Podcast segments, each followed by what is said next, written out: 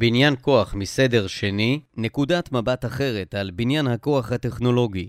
ניסים חניה, מתוך בין הכתבים, גיליון 18, דיגיטל 2.0, צבא וטכנולוגיה בעידן המידע. העידן הדיגיטלי מביא עמו מורכבות שהשיח הארגוני טרם מוכן אליה. העידן הדיגיטלי הביא עלינו ברכה, עם זאת, עלותה של ברכה זו בצידה, והיא מגיעה בדמותה של מורכבות ארגונית גוברת.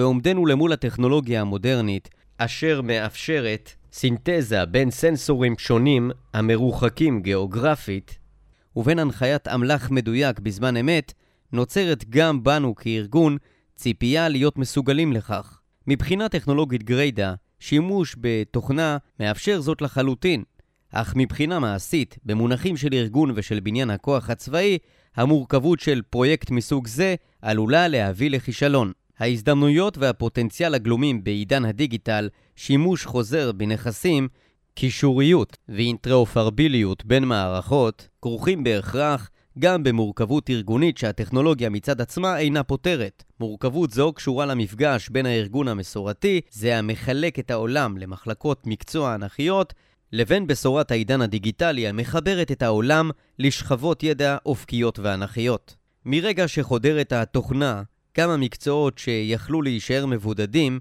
הופכים להיות חלק ממארג רחב הרבה יותר, במקרה הקל נוצרת קישוריות שלא הייתה קיימת לפני כן, ובמקרה המשמעותי יותר, משתנה הגדרת המקצוע מהיסוד. נראה אם כן שהטכנולוגיה התפתחה מהר יותר ממסוגלות הארגון להשתמש בה. האם רכישה, פיתוח ותפעול של להקות רחפנים נכנסים להגדרת המקצוע של חיל האוויר? האם היתוך אוטומטי בין מקורות מודיעין שונים נכנס להגדרת המקצוע של אמ"ן? ומה לגבי כלי טיס אוטונומיים שפעולתם מונחית באופן אוטומטי במטרה להשלים פיסות מודיעין חסרות בתמ"א המסופקת על ידי אמ"ן בעבור הכוחות המתמרנים? לאיזה חלק בארגון נשייך פרויקט זה? מהי הזרוע המקצועית האחראית על נושא זה? האם בכלל הוא מהווה פרויקט או שמא אינטגרציה בין פרויקטים שונים, רחפנים, תקשורת ומערכות מידע? פרויקט היפותטי זה הוא בדיוק מסוג הדברים שמבחינה טכנולוגית נקייה דווקא אינם מסובכים. עם זאת, כאשר הם פוגשים בארגון בניין הכוח הצבאי, מתגלה מורכבות גבוהה שמובילה גם לתקורות גבוהות, לתהליכים המתמשכים יתר על המידה, לאי ודאות גוברת ולפרויקטים עתירי משאבים שלא מגיעים לכדי תפוקה מבצעית רלוונטית. בתוך כך, צרכים מבצעיים אקוטיים אינם מקבלים מענה הולם בזמן, נראה אם כן, כי זהו המחיר שאנו משלמים בעבור חדשנות בעידן הדיגיטלי. כיצד ניתן לקיים חדשנות בארגון מבלי ליפול למלכודת מורכבות היתר? טענת המאמר היא שמורכבות היתר בבניין הכוח הצבאי נובעת במידה רבה מפערי המשגה במסגרת השיח הארגוני. כמקרה בוחן לביסוס טענה זו, נביא את מארז מודולרי, פרויקט שמימושו נכשל במסגרת תהליכי האישור התקניים בצה"ל. ניתוח סיבת כישלון הפרויקט מתעתד לחשוף את פערי ההמשגה שבהם עוסק המאמר. כמו כן, נעשה שימוש באכ"א 10.1, המסמך התקני המגדיר תהליכי אישור, ניהול ובקרה על פיתוח והצטיידות באמל"ח בצה"ל. ניתוח הנוהל באופן ביקורתי חושף את פער ההמשגה ברמה המערכתית, אשר שופך אור על הסיבה לחוסר הצלחתו של הנוהל לממש את המטרות שלשמה נועד. בשפה מטאפורית אשר תובהר בהמשך, אנו מנסים להסביר כימיה באמצעות אטומים בלבד, וזה לא הולך. לכן עלינו לכונן מחדש את מושג המולקולה. המחשבה העומדת בבסיס המאמר היא שאי ודאות, מורכבות ודינמיות של רעיון או של מושג הם נגזרת של נקודת המבט שמתוכה מתבוננים עליו. נמחיש זאת כך: ניתן להסביר בפשטות יחסית כיצד פועלת מכונית מנקודת המבט של החלקים העיקריים שלה, מנוע, גלגלים, מוט, הילוכים וכולי. מאידך גיסא, אם ננסה להסביר את אופן הפעולה שלה ללא שימוש במונחים אלו, אלא במונחי הרכיבים שמהם עשויים חלקיה, מוטות, ברגים, רצועות וכולי, נגלה מהר מאוד שההסבר שלנו דורש מילים רבות הרבה יותר, ועם זאת, התוצאה מובנת הרבה פחות. ככל שנקודת המבט או ההמשגה נמצאת ברובד נמוך יותר, כך עולה רמת המורכבות. באותו אופן הכימיה עושה שימוש במולקולות ולא רק באטומים, אף על פי שמולקולות מורכבות בעצמן מאטומים. אטומים לבדם אינם יכולים להוות את יחידות הבסיס לתיאוריה כימית, משום שתיאוריה כזו לא תהיה מובנת ואף לא מדויקת, ועל כן היא תיכשל בחיזור תופעות כימיות. הסתכלות על תופעות כימיות מנקודת מבט של אטומים כמוה כהסתכלות על כאוס. אם כך, המשגה ברובד נמוך מדי היא המובילה למורכבות היתר. האם מורכבות בניין הכוח נובעת מהמשגה ברמה נמוכה מדי? או לחילופין, האם יכול להיות רובד המשגה גבוה יותר, רובד של המשגה מערכתית, שיאפשר לשיח בניין הכוח להיות אפקטיבי יותר? כאמור, הטענה כאן היא שאכן כך. מהן היחידות הבסיסיות, האטומים שלנו, בשיח על בניין הכוח? הדוגמאות שהבאנו לעיל באות להמחיש עיקרון שכבר מובן מאליו בתחום הפעלת הכוח, אך אינו מיושם כלל בתחום בניין הכוח. בתחום הפעלת הכוח אנו יודעים כי לא ניתן לתאר את תופעת המלחמה כמכלול, ובוודאי שלא לנהלה מתוך המשקפת הטקטית. המלחמה היא אומנם אוסף קרבות, אבל נקודת מבט רדוקציונית שכזו לא יכולה להסביר כיצד כל אלו ביחד משרתים יעד אסטרטגי. אם כך, דרושה לנו המשגת ביניים. הרובד המערכתי, זוהי קומת מושגים מופשטת, מעל המושגים הטקטיים שבאמצעותם ממלכת אי-הוודאות מקבלת צורה הגיונית יותר ובת חיזוי. המערכה היא יצור בעל שני פנים. פן אחד הינו ההיגיון האסטרטגי שמשרת את המלחמה, והפן השני הוא מכלול הקרבות שמהם היא מורכבת. המערכה מסוגלת להכיל מורכבות זו רק מאחר והיא מתוארת ברובד גבוה יותר מהתיאור הטקטי. מטרת אכ"א 10-1 היא לוודא עד כמה שניתן שכל פרויקט יצא לדרך כשישנם הגדרה ברורה של צורך, רעיון קוהרנטי ורמת סיכון סבירה. תהליך האישור כולל בדיקות מקיפות של אספקטים שונים בפרויקט עוד טרם מימושו. הבנת הצורך, מתוך מטרה לתת רמת ביטחון גבוהה ככל שניתן לגבי התועלת המבצעית שבפרויקט, בחינת ההיתכנות הטכנית והמשאבים הנדרשים למימושו. במידה ונוהל אכ"א 10-1 משקף את שיח בניין הכוח, ניתן לומר ששיח זה נעצר ברמת הפרויקטים. פרויקט הוא היחידה הבסיסית של בניין הכוח. באנלוגיה של הפעלת הכוח, הפרויקט הוא הקרב. באנלוגיה לפיזיקה, הפרויקט הוא האטום. ברם, המורכבות שהביא עמו העידן הדיגיטלי, דורשת קומה נוספת, מעבר לקיים כיום. העידן הדיגיטלי יוצר פוטנציאל לסוג חדש של יחסים בין פרויקטים. היחסים הללו אינם יכולים להיות מוסברים ברמת הפרויקטים עצמם. בדיוק כפי שיחסים מסוימים בין אטומים מגדירים מושג של מולקולה ולא תופעות כימיות. אם כן, ניתן להסביר תופעות כימיות מערכתיות רק באמצעות המושג מולקולה ולא אטום. כאשר המטכ"ל, הרמה המערכתית מעצבת בניין הכוח, כמעט אך ורק דרך אישורם או אי אישורם של פרויקטים המובאים אליו, הוא למעשה מזניח רובד גבוה יותר. שימוש ברובד נוסף זה עשוי לאפשר התמודדות טובה יותר עם מורכבות עולם בניין הכוח ולאפשר את מיצוי פוטנציאל העידן הטכנולוגי הנוכחי. במקום לנהוג כך, המטכ"ל מסתכל על כל הקשור לענייני בניין הכוח דרך המשקפת הטקטית. הוא מדבר באטומים בעוד הוא צריך לדבר במולקולות. אם פרויקטים הם אטומים, אז מה הן מולקולות? נתעכב עוד על המשל. יש להבין שמולקולה אינה מתנהגת כמו אטום. היא איננה אטום גדול יותר. אמנם תיאור המולקולה כאוסף אטומים הוא מדויק, אך הוא רדוקציוני. תיאור כזה איננו מסביר מהי מולקולה כתופעה העומדת בפני עצמה, כפי ששני אטומי מימן ואטום אחד של חמצן בקשר כימי. לא מהווה תיאור מוצלח במיוחד של מים. התכונות של שני סוגי הגז הללו לא מרמזים אפילו במעט לגבי התכונות של הנוזל החביב. התכונות של המים נובעות מהאינטראקציה בין היסודות שלו לא פחות מהיסודות עצמם. המושג של מולקולה נמצא במרחב הבין-אטומי. הפער הרעיוני בין אטום למולקולה הוא כה גדול, שמדע הכימיה לא יכול להתפתח בדיבור במושגים של אטומים בלבד, ולכן ההמשגה של מולקולה והשימוש בה הם כה חשובים. בחזרה לנמשל, אנו מחפשים מענה שנמצא במרחב הבין-פרויקטלי אף אסופת פרויקטים מאוגדת בתוכניות, כמו תוכנית רב-שנתית, לא תהווה פתרון אמיתי לבעיה. לכל פרויקט ישנם מאפיינים דומים, התחלה וסוף. יעדים מבצעיים ומסגרת משאבית. תוכנית היא עדיין סוג של פרויקט, היא פרויקט המכיל מספר פרויקטים. אי הוודאות המורכבת והדינמיות המלווים את הפרויקטים מצטברים והופכים לאי הוודאות, המורכבות והדינמיות של התוכנית כולה. המושג תוכנית לא עוזר לנו לכתוב את מדע הכימיה של בניין הכוח.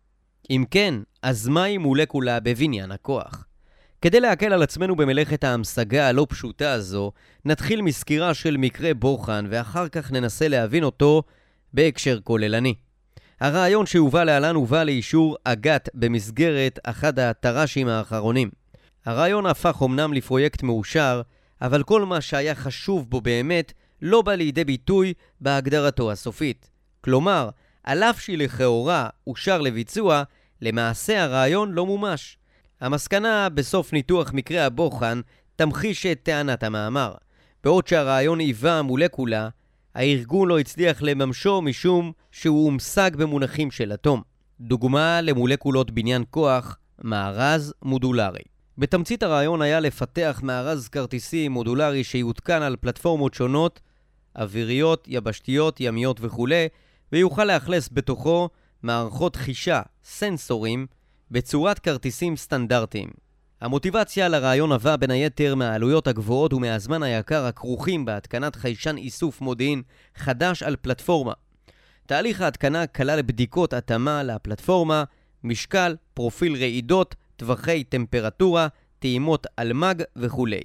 מציאת מקום או פינויו בפלטפורמה, שינויי חיווט, טיסות, ניסוי ועוד.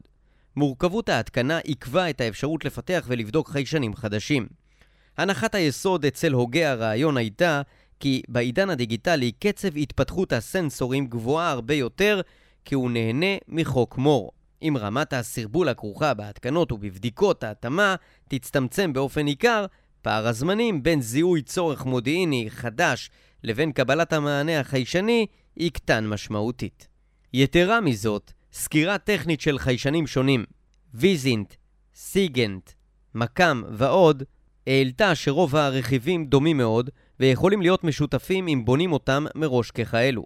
לדוגמה, כל החיישנים צריכים יחידת חישוב, יחידת אחסון נתונים, יחידת קירור, יחידת תקשורת, מצפין, פריסת כבילה לרכיבים חיצוניים המותקנים על גוף הפלטפורמה, כמו אנטנות או מצלמות ועוד. המפרט המדויק אומנם יכול להשתנות בין החיישנים השונים, אך בראייה כוללת היה היגיון לייצר מפרט כללי שיתאים לרוב החיישנים. בהסתכלות לטווח ארוך, עלה כי אזור החפיפה רק יגדל עם הזמן. הביטויים ראייה כוללת והסתכלות לטווח ארוך אינם מקריים, אלא מעידים על נקודת המבט שמתוכה נבט הרעיון. לפי נקודת מבט זו, כלל הפרויקטים במרחב מערכות החישה רלוונטיים בהווה ובעתיד הרחוק, אשר דווקא נראה לעין. להסתכלות זו שני מאפיינים עיקריים: הימצאות במרחב הבין-פרויקטלי והישענות על מגמות יציבות יחסית, כך שאינה סובלת מדינמיות יתר. הערה זו תחזור בהמשך ותוסבר בהרחבה. אם כן, הרעיון היה לפתח מארז אשר יותקן פעם אחת בלבד בכל פלטפורמה, דבר שיאפשר התקנה מהירה של חיישנים שונים מאוחר יותר. החלפת המארז תתרחש כל 10 עד 20 שנה, בעוד שהחלפת חיישן מתרחשת כל 2 עד 5 שנים. על פי הרעיון, חיישנים חדשים שיפותחו בתקן יוכלו להיכנס למארז בקלות ובמהירות, ולאחר בדיקות מינימליות ייקח ימים או חודשים ספורים במקום שנים, כפי המצב שהיה קיים אז. פירוק המערכות למודלים פשוטים יפחית עלויות וזמני פיתוח, גם כן משנים לחודשים ספורים בלבד, מאחר ופרויקט החיישן מתכווץ לפרויקט פיתוח כרטיסים. כאשר הפרויקטים קטנים יותר, מורכבות תהליך הרכש פוחתת ומצטמצמים הסיכונים בפרויקט. המודולריות והתקינה המשותפת יאפשרו הרכבת חיישנים מחברות שונות ושימוש באותם רכיבים למערכות שונות, וכך יקנו לצה"ל כוח מיקוח מול התעשייה. היכולת להרכיב ולפרק תהווה כר ליצירתיות, לחיסכון משאבי ניכר לאורך זמן ולקיצור זמן התגובה בין הצורך המבצעי למענה. כל אלו הפכו את פרויקט מארז מודולרי לרעיון מכפיל כוח בבניין הכוח של מערכות החישה. אז מדוע פרויקט מארז מודולרי לא הצליח? הארגון התייחס אל הרעיון כאל אטום, כלומר כעוד פרויקט בעוד שהוא מולקולה. באופן שיכול להישמע מפתיע, במונחים של אטום, פרויקט מארז מודולרי הוא לא פרויקט מוצלח כל כך ביחס לחלופות שלו. הצורך המבצעי לא ממוקד ועלות פיתוח מארז גנרי יקרה בהרבה ממארז שהוא תפור לחיישן מסוים. אמנם לאורך זמן יענה המארז המודולרי על צרכים רבים יותר ויהיה משתלם יותר מבחינה משאבית. עם זאת, לאורך זמן הוא בדיוק המרחב הבין-פרויקטלי. ממד הזמן, הטווח הארוך, נמצא מחוץ להקשר של פרויקט בודד. הוא עומד מחוץ לתחום האטום. היתרונות שמספקת ראייה לטווח ארוך נמצאים בתחום המולקולות. בדיון חלופות במסגרת פרויקט נתון, חלופה מהודקת לצורך קונקרטי לעולם תנצח בעלויות, בזמנים ובבהירות של הצורך המבצעי. לכן, באופן שלא צריך להפתיע, זה מה שעלה בגורלו של פרויקט המארז המודולרי. בתהליכי אישור הפרויקט, מתוך רצון לממש את הרעיון, הציע חיל האוויר חלופה שהייתה ממוקדת בצורך קריטי, זולה ומהירה יותר, כי המרכיבים הגנריים הוזנחו. החלופה של חיל האוויר נבחרה וכל היתרונות שעמדו בבסיס הרעיון המקורי נגוזו. הראייה הכוללת שהייתה מיטיבה עם כלל הפרויקטים הצטמצמה לכדי הסתכלות על פרויקט בודד. הראייה התשתיתית לטווח ארוך הצטמצמה לכדי מענה ממוקד לצורך אחד, לצורך אשר קיים סיכוי גבוה שיחלוף עוד לפני שהפרויקט יסתיים. המולקולה קרסה לאטום. במונחי מורכבות הפסדנו אפשרות להפחית בצורה ניכרת את מורכבותו של בניין הכוח במרחב של מערכות חישה מוטסות. במונחי העידן הדיגיטלי והחדשנות, הארגון בחר בחלופה הפחות חדשנית, זו שאינה מביאה לידי מיצוי את הפוטנציאל החשוב של עידן הדיגיטל בשימוש חוזר בנכסים, בקישוריות ובאינטראופרביליות בין מערכות. הכללה מולקולות בבניין כוח או בניין כוח מסדר שני. מקרה בוחן של המארז המודולרי הובא כדי לסייע לנו לענות על השאלה אם פרויקטים הם אטומים, מהן המולקולות של בניין הכוח. המארז המודולרי הוא מקרה פרטי. כעת ננסה ללכת מן הפרט אל הכלל. התכונה העיקרית המבדילה בין המארז המודולרי לבין פרויקטים רגילים היא פונקציית המטרה שלו. בעוד שמטרת פרויקטים רגילים היא מילוי של צורך מבצעי, מטרת המארז המודולרי הייתה לייצר תנאים שבהם יהיה קל ואפקטיבי יותר לפתח פרויקטים למול צרכים מבצעיים. במילים אחרות, אם פונקציית המטרה של בניין כוח רגיל היא להביא להפעלת כוח אפקטיבית יותר, אז פונקציית המטרה של בניין הכוח, במובן שאנו מדברים עליו כאן, מגלמת בעצם מהותה בניין כוח אפקטיבי יותר, אשר יביא בתורו גם להפעלת כוח אפקטיבית יותר. ברצוני להציע מונח שיכול לשרת אותנו בהמשגה בהמשך הדרך. לדעתי המושג בניין כוח מסדר שני מתאים פה משתי בחינות. ראשית, כפי שנאמר כאן, המארז המודולרי אינו מהווה בניין כוח המתייחס באופן ישיר להפעלת כוח, אלא מגלם את בניין הכוח בעצם מהותו.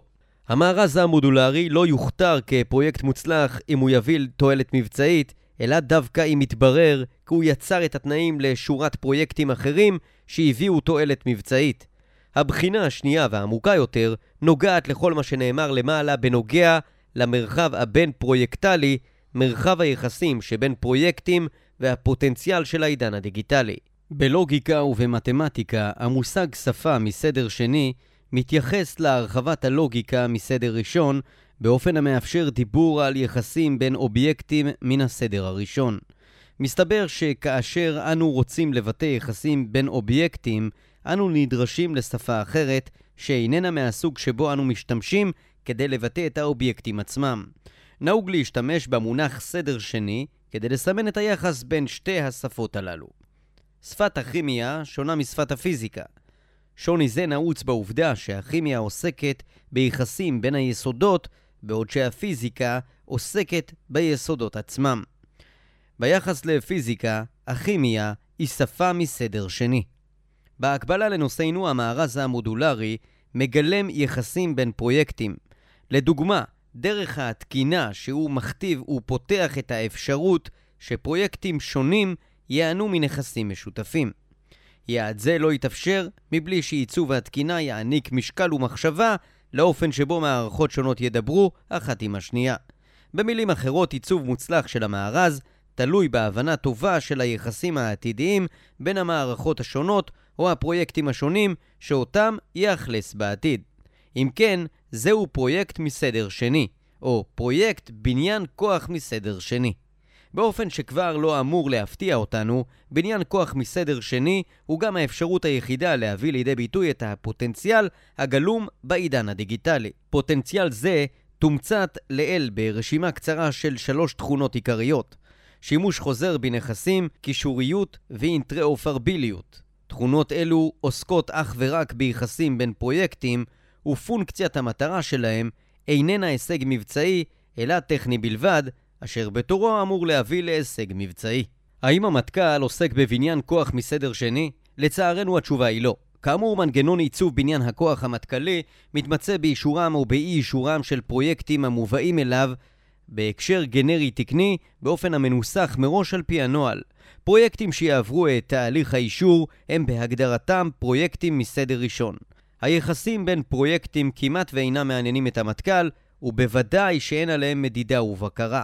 ולראיה, תמיד ישנו ראש פרויקט שעליו מוטלות האחריות והסמכות לביצוע הפרויקט. מאידך גיסא, מעולם לא היה ראש יחסים בין פרויקטים. בהיררכיה הסמכותית, ודאי שלא מעל ראש פרויקט. עצם העובדה שאנחנו נדרשים להמציא מונח שיתאר את הצורך, ממחיש עד כמה אנו כארגון רחוקים מההכרה בחשיבות הכה גדולה של בניין כוח מסדר שני. פרויקט של מישהו אחר הוא הדבר האחרון שמעניין ראש פרויקט, כיוון שהוא לא נמדד לפיו, ומכיוון שהפרויקט האחר לא נמצא בתחום הידע והסמכות שלו. אם כן, לא פלא שעל אף שהעידן הדיגיטלי מבשר קישוריות ושימוש חוזר בנכסים, אנחנו מוצאים את עצמנו עם עודף מוגזם של מערכות שונות שלא מתחברות אחת אל השנייה. אין קישוריות ואין שימוש חוזר בנכסים. כתוצאה אנחנו חווים עודף מורכבות וחוסר יכולת לבטא בפועל את החדשנות הקיימת בכוח. לא משום שאיננו רוצים בכך, אלא משום שאיננו עושים את מה שצריך לעשות כדי שזה יקרה. השימוש הבלעדי במונחי פרויקט מאפשר לנו למנות ראש פרויקט לקישוריות, פעולה שאנו נוקטים בה מעת לעת. עם זאת, מקריאת המאמר ניתן להסיק כי אין בכוחו של מינוי או של פרויקט שכזה לפתור את הבעיה. אי אפשר לפתור יחסים בין פרויקטים באמצעות פרויקטים נוספים. מולקולות אינן אטומים מיוחדים. יש להעלות קומה ולפתח את רעיון בניין הכוח מסדר שני. כיוונים מעשיים עדיף היה אילו היינו מתעכבים על פיתוח הידע וההמשגה לפני הקפיצה להמלצות מעשיות. אף על פי כן אצביע על כמה כיוונים כלליים להתמודדות עם הבעיה. נוהל אכ"א 10-1 אינו מתאים לפעילות בניין כוח מסדר שני. יש לייצר אפיק מקביל לאישור פרויקטים מסוג זה. על נוהל אכ"א 10-1 להתעדכן, כך שיתנה את אישורם של הפרויקטים המובאים אליו בעמידה במסגרות שפותחו במסגרת האפיק המקביל. האחריות והסמכות הישירה על פעילויות בניין כוח מסדר שני חייבת להיות של הרמה המערכתית, קרי המטכ"ל. מהסעיף הקודם נובע שיש להקים פונקציה מקצועית בכפיפות ישירה למטכ"ל, שבאחריותה ובסמכותה לעצב את המרחב הבין-פרויקטלי. על ראשי פרויקטים מכלל הזרועות לענות לדרישות המגיעות מפונקציה זו, בדיוק כשם שעליהם לענות לדרישות המגיעות מכיוון הצרכן המבצעי. יש לשקול להכניס את המושג בניין כוח מסדר שני כחלק אינטגרלי מתורת בניין הכוח הצבאי על מנת לבצע את ההבחנה הנדרשת בין סוגי הפרויקטים ולקיים מערכת קריטריונים ונהלים נפרדת בעבור כל סוג.